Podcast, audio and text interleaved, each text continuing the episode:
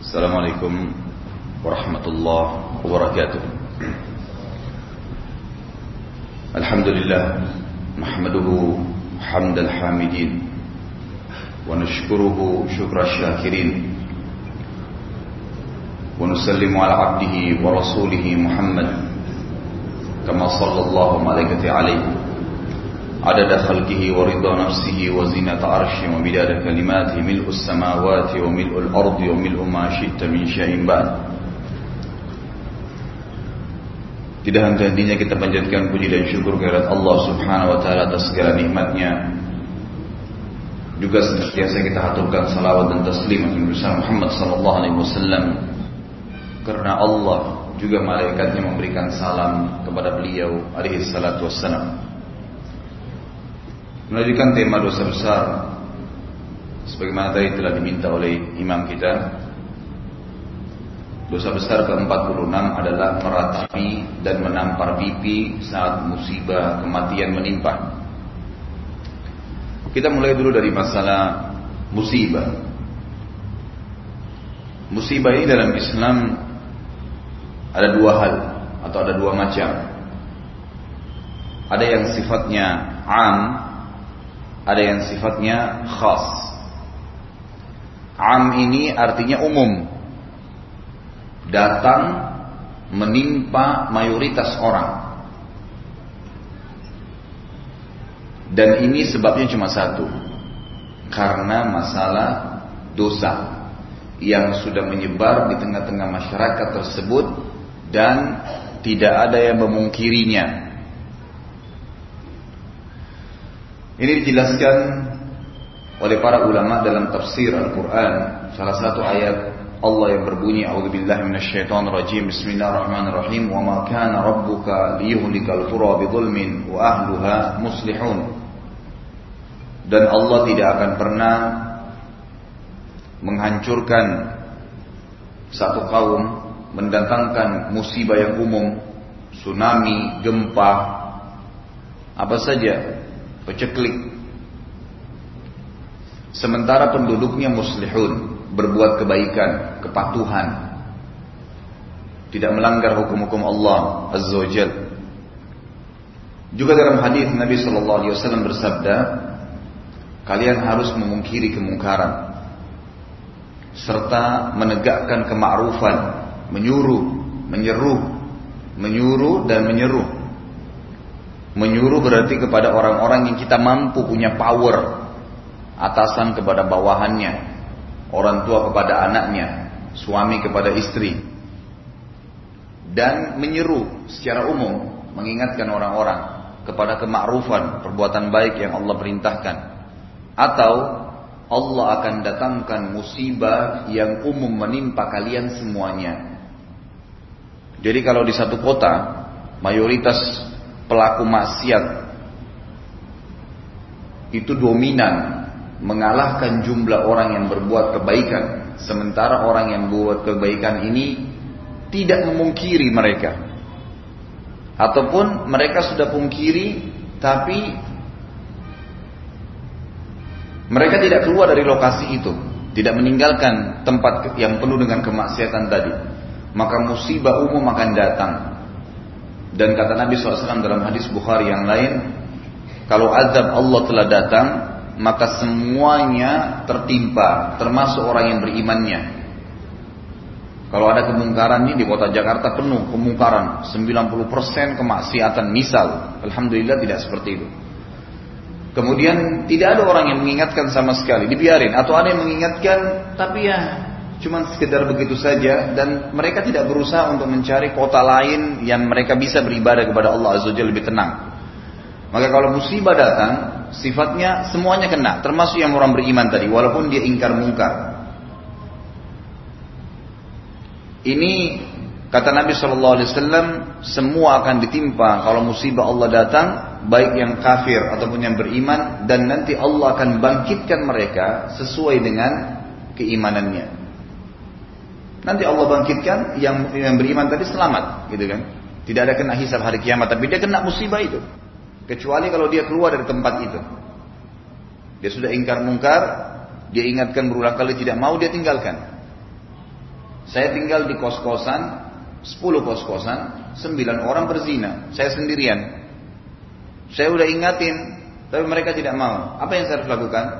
Masa bodoh, tinggal saja, ya musibah akan datang. Kapan ada pencopet masuk, dicuri semua 9 kamar, kita juga kena yang 10. Datang musibahnya. Cari kos lain, pindah. Tidak bisa tinggal di situ. Kena musibah umum akan datang. Itu juga diceritakan oleh Allah Azza wa tentang penduduk negeri Ila. Negeri Ila ini negeri yang Allah Azza wa ubah mereka ya, menjadi monyet dan kera dari turunan Bani Israel. Kalau Ila ini sekarang berada di perbatasan antara kalau tidak salah Yordania dengan Mesir. Jadi antara Asia dengan Afrika gitu. Kalau dari Saudi sekarang di penghujung di utara Saudi bisa kelihatan tuh. Dulu setelah Nabi Musa alaihissalam meninggal gitu kan, ada pengikut-pengikutnya yang dari Bani Israel, salah satu hukum dalam Taurat mereka tidak boleh memancing hari Sabtu. Tapi ternyata penduduk Ila ini terbagi menjadi tiga. Ada mayoritasnya 60-70% itu tidak mau dengar. Kenapa? Karena profesi utama mereka adalah nelayan dan kalau hari Sabtu justru ikan-ikan itu datang di pinggiran, di depan mata mereka. Ya kalau mungkin kita petani buahnya sudah tinggal panen, dengan kalau orang bisnis depan mata tinggal ya mentandatangani saja kesepakatannya. Tapi pada hari itu dilarang, nggak boleh hari Sabtu, nggak boleh mancing. Apa yang mereka lakukan? Kelompok yang mayoritas ini 60-70% mereka memanipulasi keadaan. Mereka pasang jala malam Sabtu. Hari Sabtu mereka nggak mancing, hari Ahad mereka panen hasil jalaannya. Mereka mau menipu Allah Azza wa Kemungkaran. Ada kelompok kedua, ngingatin, nggak boleh haram, Allah haram. Harus ditinggalkan ini. Mereka bilang, enggak, enggak apa-apa, ribut lah. Akhirnya dua kelompok ini. Tapi kelompok ini kecil, komunitasnya kecil. Ya kurang lebih 15 persen. 15 persen lagi, kan tadi 70 persen yang mungkar, yang mau menipu Allah tadi, 15 persen mengingatkan mereka, 15 persen lagi beriman juga, tidak ikut-ikutan mancing hari Sabtu, tapi yang jadi masalah, mereka beriman mereka justru membendung 15% kelompok kedua yang mengingatkan kemungkaran tadi. Mereka sambil berkata, tidak usah diingatkan. Nanti azabnya Allah datang, gak usah didakwai mereka. Apa yang terjadi? Pada saat datang musibah Allah Subhanahu wa taala, maka Allah selamatkan khusus kelompok yang 15% tadi yang mengingkar mungkar itu dan yang 15% tadi yang tidak ingkar mungkar tapi malah menahan orang yang ingkar mungkar tergabung dengan yang 70% yang tadi berbuat kemungkaran dan Allah semua sama ratakan mereka tertimpa berubah menjadi monyet dan kera dan akhirnya Allah Azza wa Jal matikan mereka setelah tiga hari dari kejadian tersebut. Itu tentang kisah penduduk negeri Ilah. Insya Allah kalau tidak ada halangan selasa depan nanti saya datangkan surahnya dan ayatnya. Sekarang saya tidak terlintas ya, kecuali kalau Ustaz Muhtar bisa bantu kita ya tentang Ashabus Sabt. Ya. Jadi itu kisah tentang Ashabus Sabt tentang negeri Ila. Baik, intinya adalah musibah umum datang itu kalau ya sifatnya maksiat merajalela dan tidak dimungkiri kemungkaran. Ada musibah yang datang sifatnya individual, khas. Dan ini juga dibagi dua oleh para ulama. Ada yang sifatnya datang karena dasarnya dia orang fasik Orang muslim tapi maksiat. Berzinalah, menipu orang lah, berbohong lah, maksiat. Ya, dia fasik. Atau orang kafir. Kalau musibah datang kepada orang-orang seperti ini, maka berarti disebabkan hanya karena dosa juga. Nggak ada yang lain. Karena kemaksiatannya. Karena kemaksiatan mereka kepada Allah subhanahu wa ta'ala. Kalau orang kafir, karena kekafirannya dan pelanggarannya supaya dia kembali kepada Allah, meninggalkan itu kesalahan mereka. Kalau dia orang fasik juga sama, agar kalau orang fasik membersihkan pelanggaran dosa yang dia lakukan dan mengingatkan agar mereka meninggalkan maksiat itu. Misal ada orang naik motor pergi berzina. La Allah bannya pecah, jatuh terguling, patah tangannya. Datang musibah kepada dia. Dia tadinya mau pergi berzina. Apa gunanya itu? Gunanya kalau dia orang kafir agar dia kembali kepada keimanan, menyadari bahwasanya dia punya keterbatasan dan dia sedang salah. Kalau dia orang fasik juga sama dia kembali meninggalkan. Tapi kalau orang fasik karena dia masih muslim sekaligus membersihkan dosa karena roda bannya pada saat jalan sudah berdosa, itu diampuni dengan tadi tangannya patah misalnya. Sekaligus mengingatkan dia kembali karena kalau sudah musibah datang dan orang juga tidak sadar, maka kapan lagi dia akan sadar? Tidak mungkin. Makanya musibah itu sebenarnya untuk menarik orang agar kembali ke jalan Allah Subhanahu wa taala. Baik, ini Kategori pertama di poin kedua, musibah khusus yang datang kepada ya, atau dengan cara atau dua kategori. Kategori pertama adalah datangnya kepada orang kafir dan orang fasik. Yang kedua adalah datangnya kepada orang beriman. Anda lagi tidak ada masalah, tiba-tiba sakit. Alhamdulillah sudah jaga sholat lima waktu, udah tutup aurat, udah jaga lisan, udah jagalah ibadah. Tapi musibah datang. Ada orang yang ganggu, ada orang utang nggak bayar, ada saja. Ya, lagi jalan ban mobil atau ban motornya pecah, gitu kan? Ada saja halangan-halangan, mungkin diganggu oleh orang, digibah oleh tetangga, oleh teman, ada saja yang disakiti. Maka ini berarti murni murni untuk meninggikan derajatnya. Makanya kata Nabi Wasallam dan khusus masalah ini itu disebutkan dalam hadis Sahih riwayat Imam Muslim, Inna Allah idha ahabba abdan ibtalah. Allah kalau cinta seorang hamba Allah akan mengujinya. Allah akan mengujinya. Dan juga dalam hadis yang lain, hadis sahih riwayat Bukhari, "Idza ahabballahu 'abdan ya, yusib minhu." Kalau Allah cinta seorang hamba, Allah pasti akan berikan dia cobaan. Cobaan itu gunanya untuk apa? Tantangan. Supaya kita menjadi lebih punya pengalaman. Manusia ini kalau nggak punya tantangan, kalau antum misalnya dalam seharian tidak ada kerjaan, tidak ada program, apa yang antum akan buat di rumah? Tidur, makan, begitu terus. Kita kayak tidak bisa, manusia memang tidak bisa. Kalau tidak dibuatkan program, tidak dibuatkan cobaan, tantangan, dia tidak bergerak. Memang manusia begitu. Dengan adanya banjir seperti sekarang, orang jadi baru sadar, nah oh iya ternyata kalau tidak banjir itu enak ya. Kemudian jadi mereka punya ide-ide yang lain muncul bagaimana menghadapi banjir. Bagaimana ini, bagaimana itu, bagaimana macam-macam. Jadi itu bisa memunculkan ide. Manusia memang kalau tidak dibuatkan program, tidak tersibukkan atau tidak disibukkan, maka otomatis mereka akan kosong saja. Berapa banyak orang begitu kalau liburan, lagi tidak ada kerjaan, cuti kantor, tidur, seharian tidur. Jadi dia tidak buat program, kecuali Allah yang, yang Allah yang Allah kasih hidayah gitu. Juga dalam asar disebutkan bahwasanya Nabi SAW bersabda, kalau ya, atau ada beberapa derajat di surga di mana tidak bisa dijangkau kecuali dengan cobaan. Ya, dengan cobaan, di antaranya hadis sahih berbunyi kata Nabi SAW, mohon maaf tadi itu bukan hadis, ini hadis Nabi yang sekarang. Kata Nabi SAW, ada dosa-dosa yang tidak bisa diampuni kecuali dengan eh, tidak, tidak bisa diampuni dengan istighfar dan Allah akan coba hamba tersebut dengan penyakit. Kata para ulama ini masuk dalam kategori orang-orang beriman pun selain ditinggikan derajatnya, yaitu poin pertama di surga dia akan dapatkan dan juga kalau dia masih punya dosa akan diampuni oleh Allah Subhanahu wa taala. Peninggian derajat ini di surga tidak bisa didapat kecuali dengan cobaan tadi. Jadi mungkin saya pernah beli contoh ya. Mungkin ada derajat di surga kita tidak bisa jangkau kecuali dengan 100 tahun puasa, 100 tahun e, sholat malam. Tapi dengan kita dicoba 10 tahun sakit, kita bisa sampai derajat itu. Bisa sampai ke derajat itu. Dan tadinya kita nggak bisa. Karena umur kita cuma 60 misalnya. Nah di antara cobaan yang datang kepada semua merata.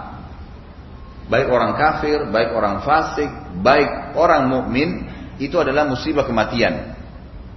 Musibah kematian itu dianggap musibah baik dia mati atau ada orang yang dia cintai meninggal dunia atau mati. Kalau dia mati berarti jadi musibah buat diri dia kalau dia masih kurang amalnya atau dia masih ada program-program di dunia yang belum sempat di aplikasikan kerabatnya atau anaknya yang dia tinggalkan bagaimana keadaannya, ada musibah-musibah yang datang. Juga orang-orang yang ditinggal sama dia sama. Musibah karena meninggalnya orang ini mungkin karena masih ada keperluan, gitu kan? Mungkin karena ilmunya, mungkin karena hartanya, mungkin karena jabatannya, mungkin karena kedudukan dia sebagai orang tua misalnya maka anaknya merasa kehilangan dan seterusnya. Kematian ini kalau datang, musibah ini kalau datang, pastinya atau dipastikan semua orang akan merasa sedih. Semua orang merasa sedih normal saja.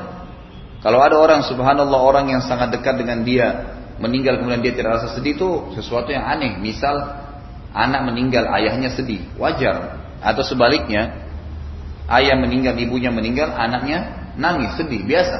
Itu biasa saja. Dan ini normal. Sebagaimana disebutkan dalam hadis Bukhari Nabi SAW untuk meninggal anaknya Ibrahim. Maka beliau meneteskan air mata. Dan para sahabat bertanya, ya Rasulullah, kan dilarang dalam anda larang. Seperti dosa besar keempat ini meratapi dan menampar pipi. Ya, iyaha, mukul-mukul kepala. Kenapa ya terjadi sama dia? Kenapa bukan saya? Misal itu namanya meratapi. Menyesali kenapa terjadi musibah itu. Kata para sahabat ya Rasulullah anda larang itu. Maksudnya sampai menangis pun sebenarnya sahabat faham itu dilarang. Maka Nabi SAW memberikan penjelasan waktu sambil air mata beliau netes, beliau mengatakan inilah rahmat yang Allah masukkan ke dalam hati hamba-hambanya. Artinya kalau hanya sekedar menangis karena sedih normal-normal saja, tapi jangan niyaha, jangan mukul-mukul diri, nampar-nampar, cakar-cakar, e, mengucapkan kalimat-kalimat yang tidak baik. Makanya waktu beberapa sahabat sempat niyaha, ada yang sempat nangis-nangis karena kerabatnya meninggal di medan perang, Nabi SAW mengatakan jangan kalian doakan diri kalian keburukan diri kalian, harta kalian, anak keluarga kalian, ya keburukan karena bisa saja malaikat lewat dan mengaminkannya. Kenapa bukan? Kenapa saya juga tidak apa-apa ditimpa musibah seperti dia? Kenapa? Kenapa dia? Kenapa bukan saya? Kenapa? Kenapa dan seterusnya. Maka ini tidak boleh dalam Islam karena bisa malah kita yang ditimpa, malah kita yang tertimpa apa yang sebenarnya menimpa orang tersebut. Dan sebaliknya kita dianjurkan kalau kita sedang sholat jenazah, di antara doa yang kita baca adalah Allahumma la tahrimna ajrahum wa la taftinna ba'dahum. Ya Allah janganlah engkau haramkan kami agar kami punya kesempatan untuk mengerjakan seperti yang dia pernah kerjakan dalam bentuk pahala. Orang ini pernah apa sih? Sholat malam, pernah sodaka, pernah apa, pernah apa. Ya Allah mudah-mudahan kami bisa mendapat kesempatan mengerjakan seperti pahala dia. Dan janganlah engkau membuat kami terjerumus dalam fitnah yang telah menimpa dia selama dia hidup. Jadi kalau ada masalah-masalah yang pernah dia hadapi, jangan kami hadapi lagi. Jangan kami hadapi lagi. Jadi kita meminta agar dijauhkan dari masalah yang menimpa orang lain. Baik, ada beberapa hal yang harus diketahui pada saat ada kematian. Yang pertama adalah, yakinlah saudaraku kematian itu bukan akhir dari segalanya. Tetapi awal dari segalanya. Maksudnya gimana? Kalau kita meninggal dunia, itu bukan akhir dari segalanya. Kenapa? Karena memang hanya yang kita tinggalkan hanya dunia. Dan kalau anda beriman, anda pindah alam. Jadi kita kesannya secara duniawi, kemasan duniawi meninggal, hilang gitu kan. Tapi sebenarnya tidak. Sebenarnya tidak. Dan saya katakan awal dari segalanya karena memang nanti apa yang kita kerjakan di dunia ini yang sebentar itu akan kita temukan di sana. Dan di sanalah di akhirat kita akan mendapatkan yang kehidupan yang hakiki. Tidak ada kematian, nggak ada capek, nggak ada letih. Kita akan bertemu dengan Tuhan kita Allah Azza Wajal dan banyak sekali hal yang dijanjikan dalam syariat kita berhubungan dengan masalah akhirat. Kalau orang meninggal dunia, dan itu sudah sunnatullah, pasti semua meninggal. Kullu nafsin zaikatul maut. Semua jiwa zaika. Kata para ulama, zaika ini artinya pasti merasakan. Gitu kan? Baik dengan sesuatu yang dahsyat atau biasa saja, sama aja. Dia akan merasakan tetap kematian datang kepada dia. Jadi nggak bisa kita menghindar darinya. Nah bagi orang yang kita mulai dulu dengan orang yang mau meninggal, kita, kita semua akan meninggal ya. Nanti baru kita masuk ke bagaimana dengan orang yang ditinggal. Meninggal dalam Islam ini, karena kita sudah tahu pasti terjadi, dianjurkan agar kita mencari mati yang terbaik. Dan itu adalah mati syahid dalam Islam. Itu sudah tahu sama-sama. Dan Nabi Wasallam motivasi kita agar selalu berharap dan minta kepada Allah agar diberikan mati syahid agar mati yang terbaik. Kata Nabi SAW dalam hadis Sahih bunyinya mentalaba asyhadat bisidq ballagahu Allahu manazil syuhada wa in mata ala firashi. Siapa yang betul-betul tulus minta kepada Allah agar matinya nanti mati syahid, mati yang terbaik. Sama kalau kita dapat job pekerjaan yang terbaik. Bukan cuma sekadar jadi staff tapi langsung jadi manajer atau jadi dirut sebuah perusahaan misalnya. Sebuah sesuatu yang sangat baik.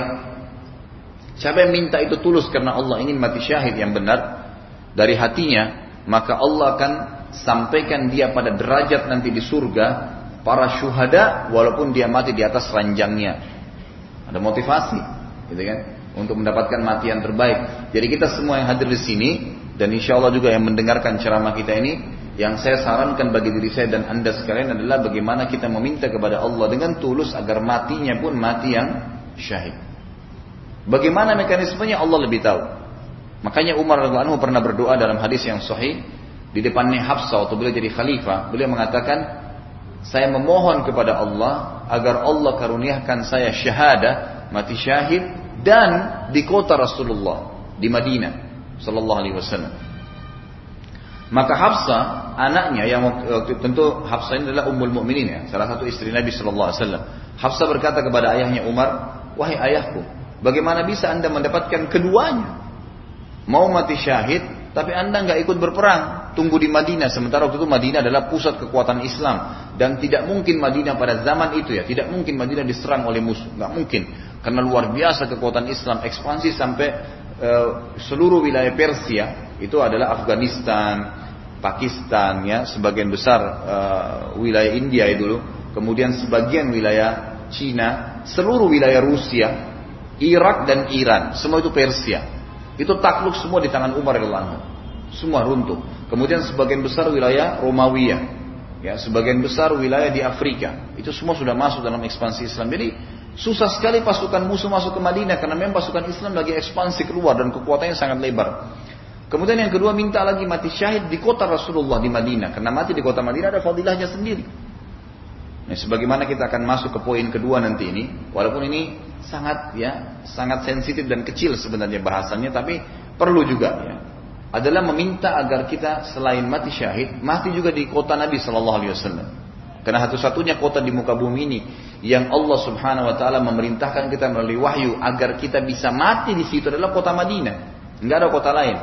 Kata Nabi SAW dalam hadis Sahih Imam Ahmad man an yamut fil Madinah yamut ini masuk dalam kategori atau bab fadail Madinah Siapa yang bisa meninggal dunia di Madinah maka sebaiknya dia melakukannya. Jadi dia coba mati di Madinah, minta kepada Allah, berusaha tinggal di akhir hayatnya di kota Madinah. Umar radhiyallahu ini menggabungkan keduanya nih, mati syahidnya dan juga mati di kota Rasulullah SAW.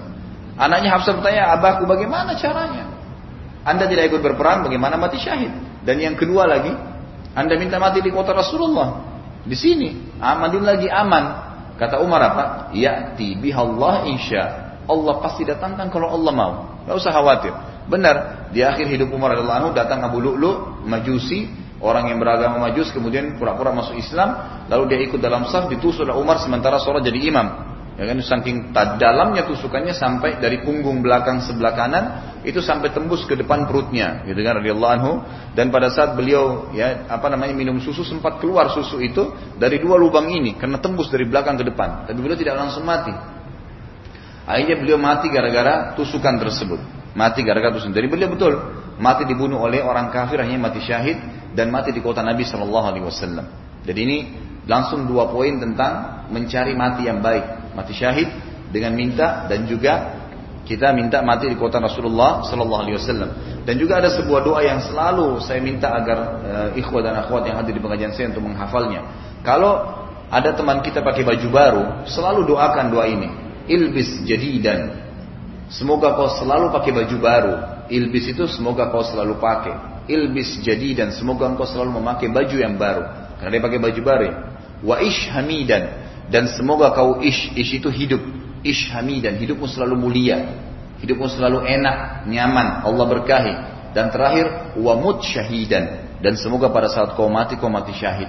Kau mati syahid. Jadi kan?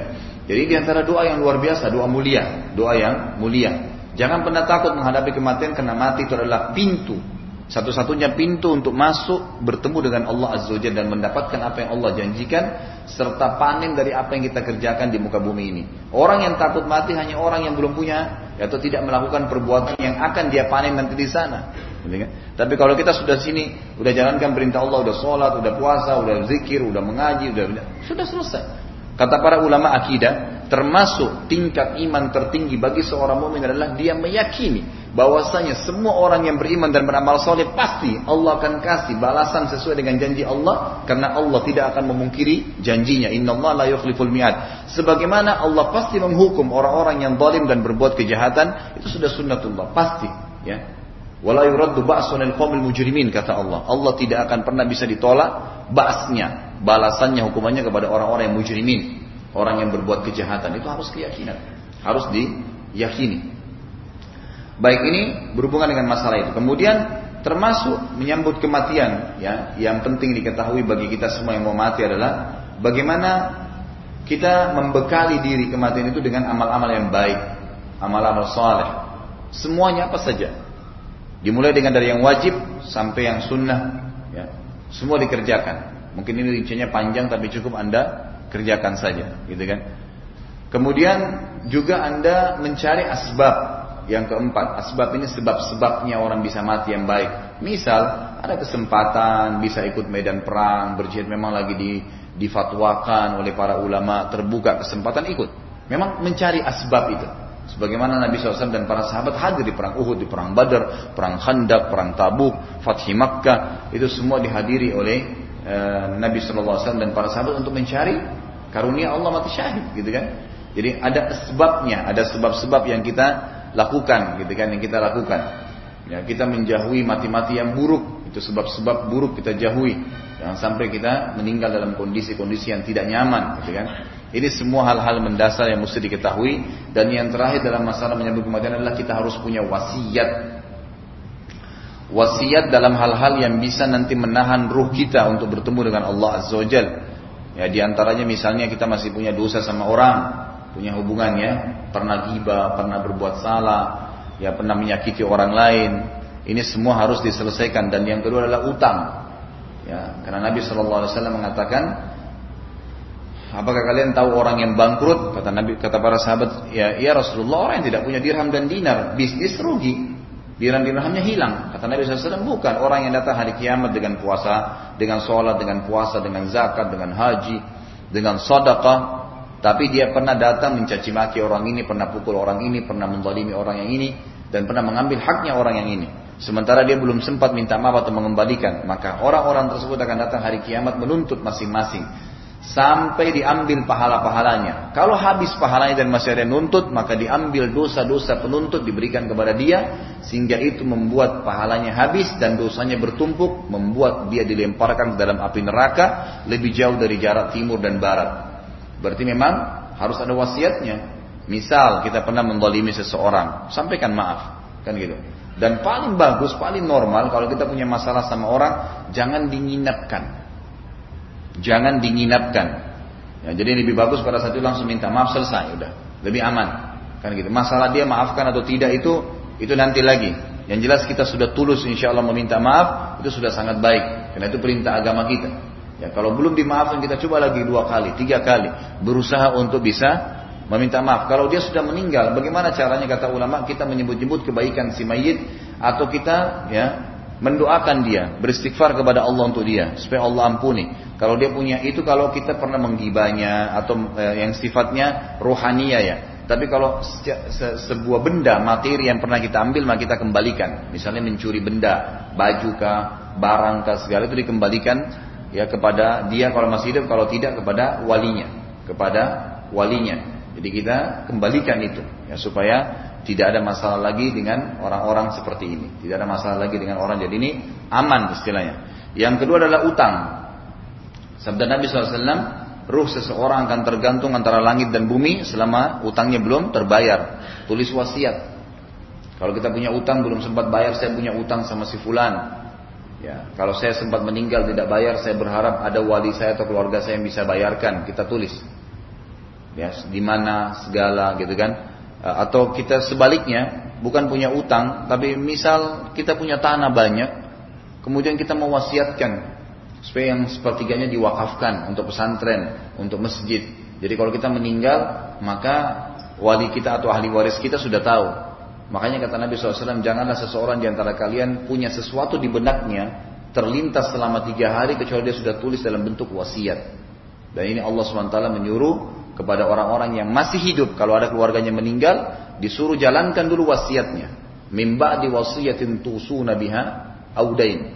Jadi setelah wasiat ya yang ditulis oleh dia dijalankan, utangnya sudah dibayar, baru boleh dibagi warisannya.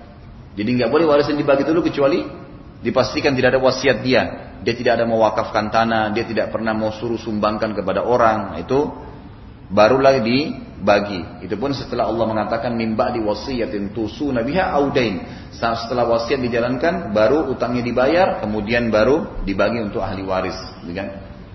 Jadi ini di antara hal-hal yang mesti diketahui bagi orang yang mau menghadapi kematian. Kalau masalah kita mati bagaimana, kita mati di mana itu nggak penting dalam Islam. Karena kata Nabi SAW, kalau Allah ingin datangkan ajal seseorang di satu tempat, maka dipastikan Allah akan membuat dia punya hajat di tempat itu, ya, kemudian dia akan pergi ke sana dan dia akan meninggal di tempat dan waktu yang telah Allah tentukan. Misal ajal kita akan meninggal di Bandung, di Surabaya, di Irian, di Saudi, di Madinah misalnya insya Allah satu waktu. Kita meninggal, maka Allah akan buat kita punya hajat dan kita akan meninggal di sana biidnillahi ta'ala atau dengan izin Allah subhanahu ini sudah hadis penyampaian wahyu kita sudah punya bocorannya gitu. Jadi kita tidak perlu memikirkan ya nanti saya mati di mana gitu kan dan dalam kondisi bagaimana. Yang penting kita sudah tadi ambil poin-poin yang saya jelaskan ada asbab, ada sebab-sebab yang kita lakukan untuk mendapatkan kebaikan-kebaikan dalam kematian. Juga sama, menilai husnul khatimah dan suul khatimah sudah pernah saya jelaskan bukan dari kondisi fisik orang yang mati, tapi dari perilaku dia beberapa hari sebelum dia meninggal dunia. Bukan berarti orang ditabrak mobil badannya hancur atau mati kesetrum kemudian kita katakan suul khatimah. Tidak. Belum tentu. Kan gitu. Belum tentu karena itu mekanismenya tidak tidak terlalu dipentingkan dalam agama Islam. Kata Nabi SAW, ya kalau seseorang terbiasa dengan satu perbuatan, Allah akan tutup hidupnya dengan perbuatan itu. Jadi kita tahu ini suul khatimah dari mana? Kita lihat seminggu sebelumnya apa yang dia lakukan. Bisa saja ada orang mati keluar dari masjid, gitu kan? Ternyata dia masuk ke masjid itu tujuannya untuk mencuri. Bisa saja. Lihat perilaku dia beberapa hari sebelumnya ternyata dia mencuri banyak tempat. Itu berarti bukan husnul khatimah. Walaupun dia keluar dari masjid kan gitu. Sama halnya mungkin ada orang, subhanallah, dia lewat dari sebuah gang, di sebelah gang itu adalah bar. Dia lewat, ternyata rumahnya di belakang bar. Dia lewat, dia mati tergeletak di depan halamannya bar itu. Apakah itu suul khatimah? Tidak. Kan gitu. Tapi dilihat perilaku dia beberapa hari sebelumnya sebagaimana Nabi SAW sudah sampaikan kepada kita tadi. Baik, kita tutup sekarang dengan poin yang berhubungan dengan bahasan kita. Bagaimana dengan orang yang menghadapi keluarganya yang meninggal. Kita masih hidup tapi keluarga kita yang meninggal. Yang paling pertama adalah kita ihtisab, kata ulama. Ihtisab ini mengharap pahala di sisi Allah SWT. Kita harus tahu dia hanya mendahului kita saja. Yang mendahului ke akhirat. Kita juga akan nyusul. Ibaratnya saya sama dia punya sama-sama mau ke Surabaya misalnya, tapi tiketnya dia dapat jam 10 pagi, saya dapat jam 3 sore. Saya juga akan nyusul nantinya. Tapi yang paling penting adalah yang kita harus sadari di, akhir, di akhirat itu cuma ada surga atau neraka, nggak ada tempat lain, nggak ada pilihan lain. Jadi kalau kita ke surga maka aman dari neraka. Kalau kita ke neraka maka kita tidak aman, tidak masuk dalam surga. Dan ini ditentukan dari apa yang kita kerjakan selama kita hidup, gitu kan? Selama kita hidup. Baik yang pertama adalah ihtisab. Kita mengharapkan pahala di sisi Allah Subhanahu wa taala sehingga ya kita mendapatkan pahala dari meninggalnya atau sedihnya kita karena meninggalnya kerabat tadi. Makanya di antara doa yang diajarkan Nabi Shallallahu alaihi wasallam kepada kita pada saat bertakziah kepada keluarga orang yang sedang bersedih, Ya, kita mengatakan a'zamallahu ajrakum. Semoga Allah melipat gandakan pahala kalian atas kesabaran kalian ini. Ya, mengharapkan pahala. Inna lillahi ma'ata wa lillahi ma'akhad wa kullu syai'in bimiqdar. Sesungguhnya milik Allah yang dia kasih, milik Allah yang dia dia ambil dan dan sesuai semua berjalan sesuai dengan takdirnya. Jadi kita mengharapkan pahala. Musibah apa pun akan mendatangkan pahala kalau kita terima. Ihtisab. Yang kedua, adalah tidak boleh kita menyesalinya Menyesali kejadian tersebut itu takdir Allah, tidak boleh menyesalinya. Yang ketiga, tidak boleh kita niyaha, ini inti bahasan. Tidak boleh teriak-teriak, mukul-mukul badan, mengucapkan kalimat-kalimat yang tidak baik. Dan ini yang dititik beratkan oleh Imam Az-Zahabi rahimahullah. Memang saya panjang lebar dan ini mungkin yang sudah sering hadir di pengajian tahu metode saya gunakan sama. Jadi saya bukan cuma langsung bahas to the point, tapi kita masuk jauh sebelumnya. Baik khusus poin yang ketiga tadi, yang masalah terakhir ini, kalau kita menghadapi keluarga kita yang meninggal atau keluarga meninggal tidak boleh meratapinya. Ini yang dilarang secara mutlak dan ini termasuk kategori dosa besar. Rasulullah Sallallahu Alaihi Wasallam mengatakan dalam sebuah hadis yang sahih Imam Muslim diangkat oleh beliau Imam Az-Zahabi ithnatani huma bin nasi kufrun at-ta'nu fin nasabi wan niyahatu 'alal mayyit Dua hal jika ada pada manusia maka akan menyebabkan kekufuran padanya. Artinya dia akan keluar dari Islam atau dia akan memikul dosa kekufuran. Ada dua pendapat ulama. Yang pertama adalah menghina nasab. Misal di Indonesia mungkin ada kadang-kadang orang olok-olok ya. Mungkin karena ini turunan mohon maaf, ini turunan Jawa, ini turunan Sulawesi Bugis, ini turunan uh, Kalimantan suku apa suku apa, terus diolok-olok. Itu nggak boleh, menghina nasab. Dosa besar. Ya, tidak boleh. Karena suku-suku itu datang juga Allah yang ciptakan semuanya. Tidak ada bedanya. Warna kulit hitam, warna kulit putih, suku Melayu, suku Arab, orang bule, orang Afrika, sama saja. Semua makhluknya Allah. Cuma itu hiasan Allah kasih. Supaya ada perbedaan, gitu kan. Ada yang tinggi, ada yang pendek, ada yang gagah, ada yang jelek. Itu biasa, sunnatullah. Kan gitu. Jadi tidak boleh menghina. Menghina jalur keturunan. Nah sebagaimana juga banyak orang menghina ayahnya temannya. Kata Nabi Shallallahu Alaihi Wasallam, ya dosa yang termasuk besar adalah seseorang menghina dan me, me, apa, e, menjatuhkan orang tuanya. Maka para sahabat berkata ya Rasulullah, siapa yang mau menghina orang tuanya sendiri? Mereka heran gitu. Kata Nabi SAW, dia menghina orang tua temannya, maka temannya menghina orang tuanya. Gitu kan? Itu terjadi. Ibunya temannya, ayahnya temannya, apalah disebutin macam-macam. Maka akhirnya temannya itu juga menghina orang tuanya. Berarti itu dia yang berdosa. Dia penyebab. Gitu kan? Itu nggak boleh menghina nasab. Kemudian yang kedua adalah meratapi mayit. Dan meratapi ini bukan cuma dia mulai dari tangisan yang terisak-isak gitu kan. Sampai memukul-mukul badan, mencakar, ya kan gitu. Tidak mau makan, semua masuk kategori meratapi. Tidak boleh dalam Islam. Karena bukan berarti kalau kita meratapi kemudian dia akan hidup kembali. Enggak kok. Mau dia muda kah, mau dia gagah kah, mau dia kaya kah, mau dia sehat kah, ajalnya datang, selesai dia mati. Biar kita nangis setengah mati, dia tetap akan mati. Nggak ada gunanya. Yang kita harus pikirkan adalah bagaimana memperbanyak amal buat dia. Dan ini poin keempat ya. Tadi poin ketiga ini tidak boleh meratapi. Poin keempat adalah kita memperbanyak ya amal soleh buat si mayit. Itu yang harus kita kerjakan mendoakan dia. Nanti akan kita rincikan sedikit masalah itu insya Allah. Mudah-mudahan keburu. Kemudian yang kedua adalah hadis Nabi SAW dari Imam Muslim, an-naihatu idza lam tatub ulbisat dir'an min jarab wasirbalan min katirani yaumal qiyamah. Nah, di sini riwayat Imam Muslim.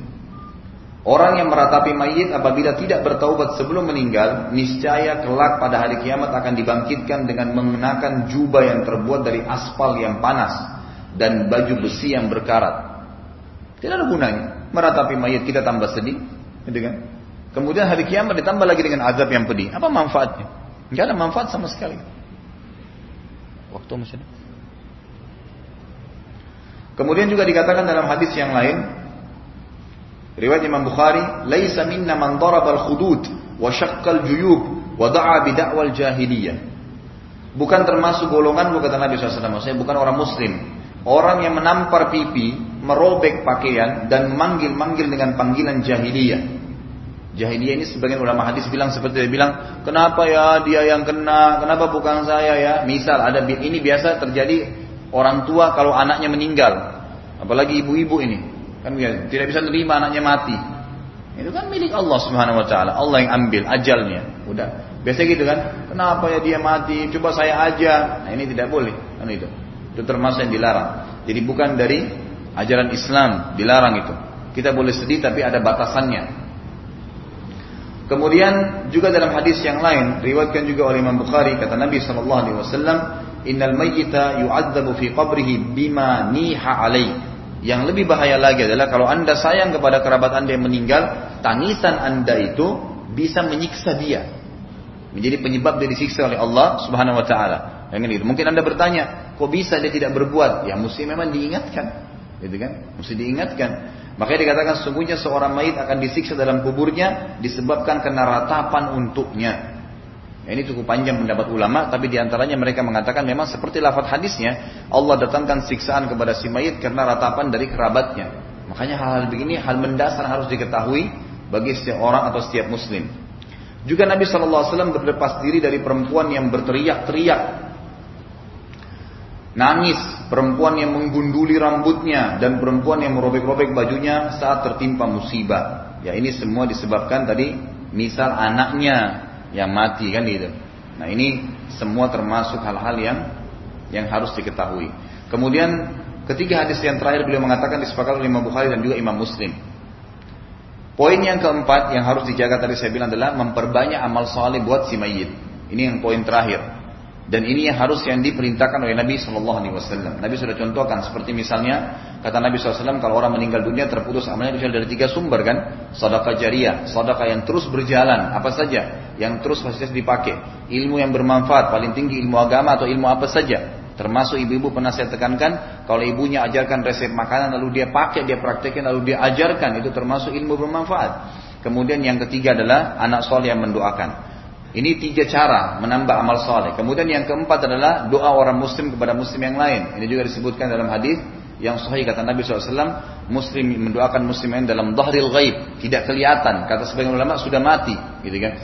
Maka diterima. Kemudian haji dan umrah, sebagaimana disebutkan dalam hadis Bukhari Muslim, ada sahabat yang berkata, ya Rasulullah orang tua saya sudah tua, tidak bisa perjalanan. Apakah saya boleh haji dan umrah untuknya? Dalam riwayat lain dikatakan orang tua saya sudah meninggal, bolehkah saya haji dan umrah untuknya? Kata Nabi SAW, boleh. Hajikan dan umrahkanlah kedua orang tuamu. Ini yang penting adalah memperbanyak doa tadi. Jadi ini kurang lebih empat perbuatan harus kita jalankan pada saat kita menghadapi keluarga kita yang meninggal dunia. Tentu ada juga di antaranya membaca kalimat istirja. Ini sudah umum ya. Innalillahi wa inna ilahi rajiun. Tapi ini dibaca bukan cuma pada saat kematian. Semua musibah. Kami milik Allah. Kami akan kembali kepada atau hanya kepada Allah subhanahu wa ta'ala. Masih ada waktunya? Baik, yang ke-47 dosanya juga ini sekalian kita bahas karena satu bab. Sebenarnya satu bahasan. Menghina nasab. Menghina nasab. Ini juga di sini Imam Zahabi cuma mengangkat satu hadis. Makanya yang pegang kitabnya sudah atau pegang bukunya sudah tahu ini. Ada hadis satu saja yang tadi sudah kita sebutkan ya. Kata Nabi SAW dalam hadis yang sahih, riwayat Imam Muslim, Ithnatani huma bin nasi kufrun at-ta'nu fin nasabi wan niyahatu 'anil mayyit. Dua perbuatan yang ada kalau pada manusia akan menyebabkan mereka kufur yaitu menghina nasab dan meratapi si mayit. Dan ini sudah saya rincikan tadi bagaimana menghina nasab itu, menghina nasab itu. Dan di sini kita juga perlu ketahui tidak ada nasab ya yang terhina dalam Islam walaupun orang tua kita kafir. Seperti misalnya Abu Bakar anhu namanya Abdullah. Nama ayahnya Abu Bakar siapa? Abi Kuhafa. Meninggal dalam keadaan kafir. Tapi dalam Islam tidak boleh dihapus namanya ayah kita. Tetap dipakai Abdullah ibn Abi Kuhafa. Umar bin Khattab. Ayahnya Khattab dalam keadaan kafir. Tapi tetap dikatakan Umar bin Khattab. Uthman bin Affan. Affan juga ayah Utsman meninggal dalam keadaan kafir, gitu kan? Ali bin Abi Thalib, Abi Thalib juga meninggal dalam keadaan kufur. Tapi tetap nisbahnya kepada ayah-ayah mereka. Jadi itu tetap ada dan itu berarti tidak dalam keadaan kufur aja kita tidak boleh sama sekali. Gitu. Ikrimah salah satu sahabat Nabi, anaknya Abu Jahal, awalnya membenci Islam gitu kan. Setelah itu dia masuk Islam, ya. Dan dia termasuk punya andil besar dalam banyak peperangan, ya kan gitu. Ikrimah bin Abi Jahal. Abi Jahal itu siapa? Fir'aunnya umat ini. Tapi tetap dipakai namanya. Gitu ya.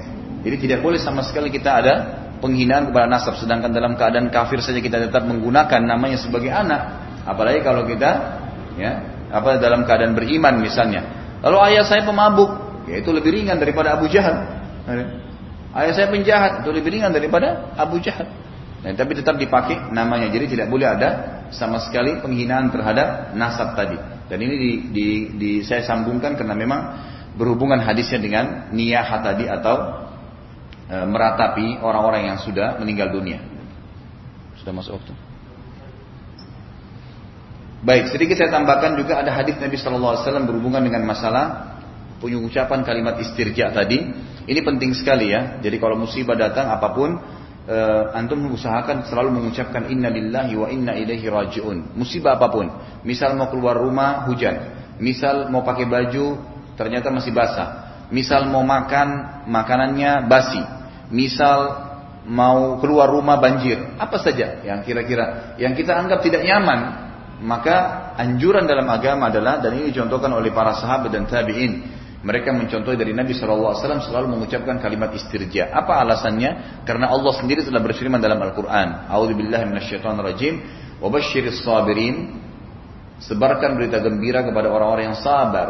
Orang sabar itu siapa? Orang-orang yang menerima takdir Allah lalu ikhtiar cari jalan keluar. Itu sabar. Alladzina idza asabathum musibatun qalu inna lillahi wa inna ilaihi raji'un. Mereka kalau ditimpa musibah mereka selalu mengatakan kami milik Allah dan kami akan kembali kepada Allah. Apa yang Allah janjikan? Ulaika mereka lah alaihim salawatu min. Mereka mendapatkan salawat dari rabbihim. Apa itu salawat? Kata ulama hadis adalah jalan keluar dari masalah mereka, dari musibah mereka, gitu kan? Wa, uh, ulaika alaihim salawatu min wa ulaika humul muhtadun dan mereka lah orang-orang yang mendapatkan petunjuk. Dalam hadis kata Nabi Shallallahu Alaihi Wasallam, ya siapa yang tertimpa musibah kemudian membaca Inna Lillahi wa Inna Ilaihi Rajiun, kami milik Allah, kami akan kembali kepada Allah. Kemudian ditambah Allahumma ajirni fi musibati, ya Allah tolonglah saya dalam musibah saya ini, wakhlif li khairan minha dan gantikan saya lebih baik darinya, pasti Allah akan gantikan yang lebih baik darinya. Kurang lebih seperti itu, Bapak Ibu sekalian kita bisa sampaikan.